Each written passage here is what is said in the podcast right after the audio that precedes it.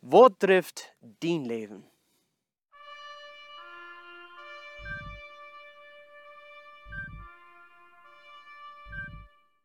Hallo en welkom bij Leven met God. Vandaag wil ik die, deze vrouw nog eenmaal stellen. Wat trifft dein Leben? Wordt dein Leben von dat Rechte gedreven, oder als du überhaupt nicht, wat die drijven leidt? Ik wil met een beeld ontvangen. En dat beeld blijf ik woord wie van jou in onze tijd alle verstaan kan. En dat beeld is, wanneer du woest die verstellen, die voorsnomen, voor die handel, die besitzt die du, die voor die wat du zum verkijken zijn. En du fängst du einfach dich, wat die besonders gefällt. Das vielleicht kriegt der Sort, wat du die Offerten gewünscht hast. Kriegt der Klier, wat du gleich dat zit sehr Schmack, alles nie. Du besitzt die fertig von rundherum, die Satz, die du beim Duel, die Kerb sitzt, ne, erst die Fan, kriegst es die dort Menschen das. Und du fragst dem fort, ja, Schacher Schmon, kann den Schlädel zum Umdrehen? Ich würde den Schlädel geben und du steigst den und an, und du drehst ihn eben, du es nicht. Du wirst denken, was ist mit, mit fertig? Alright, das ist jedoch nie fertig, wo kann das nicht schaffen?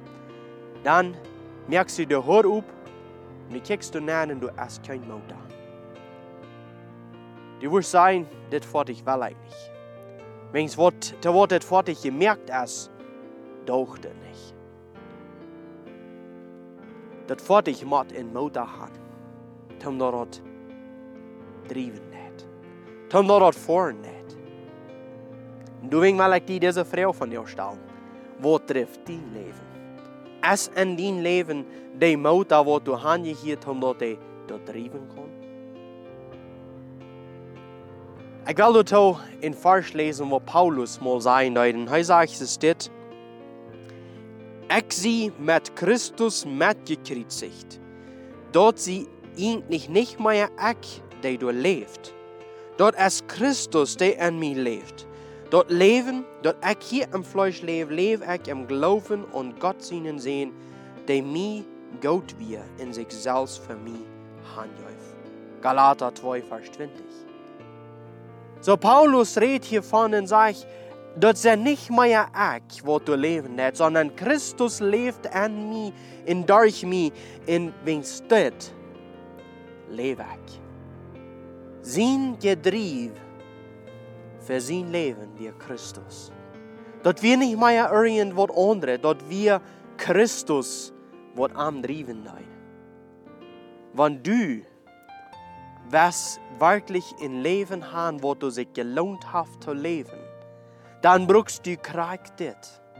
Du brauchst Christus, um dort dein Leben, wat hat zu driven, det.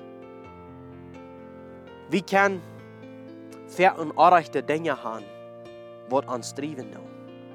Viele Menschen ich würde sagen, die meisten Menschen auf dieser Welt, die ihr Leben wird gedreven, indem dort sie siegen, dort Reichtum. Sie siegen nur Geld, dort Geld trifft ihn. Der andere, der trifft vielleicht bloß, dass sie genug zu eten haben.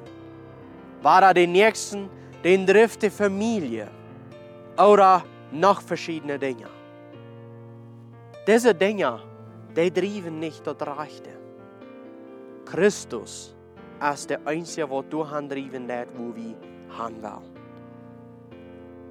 Wenn wir ans Luten von Christus driven, dann wollen wir alle andere Knien, was wir brauchen.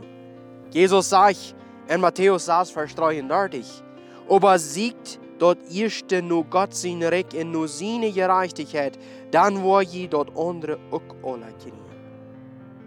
So wir sollen eigentlich nur Jesus trachten, nur Gott sein Recht trachten.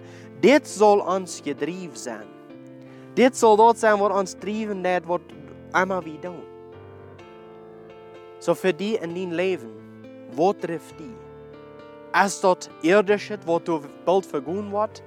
Oder sind dort Dinge, wo du bleiben wollen? Ist dort Gott, ist dort Jesus? Dort, wo du uns trieben sollst. Vi brauchen Gott, um dat Hij driven hat. Wenn das Wort uns gedrieben sein, dann werden unsere Entscheidungen so sein, dass Gott dort gefällt. Wenn dit ons streven dat, dann wollen wir all unsere Dinge tun, was Gott gefallen hat. Mag Gott die halten, in op mich, dort wir uns luten von Gott, von Jesus streven. Amen.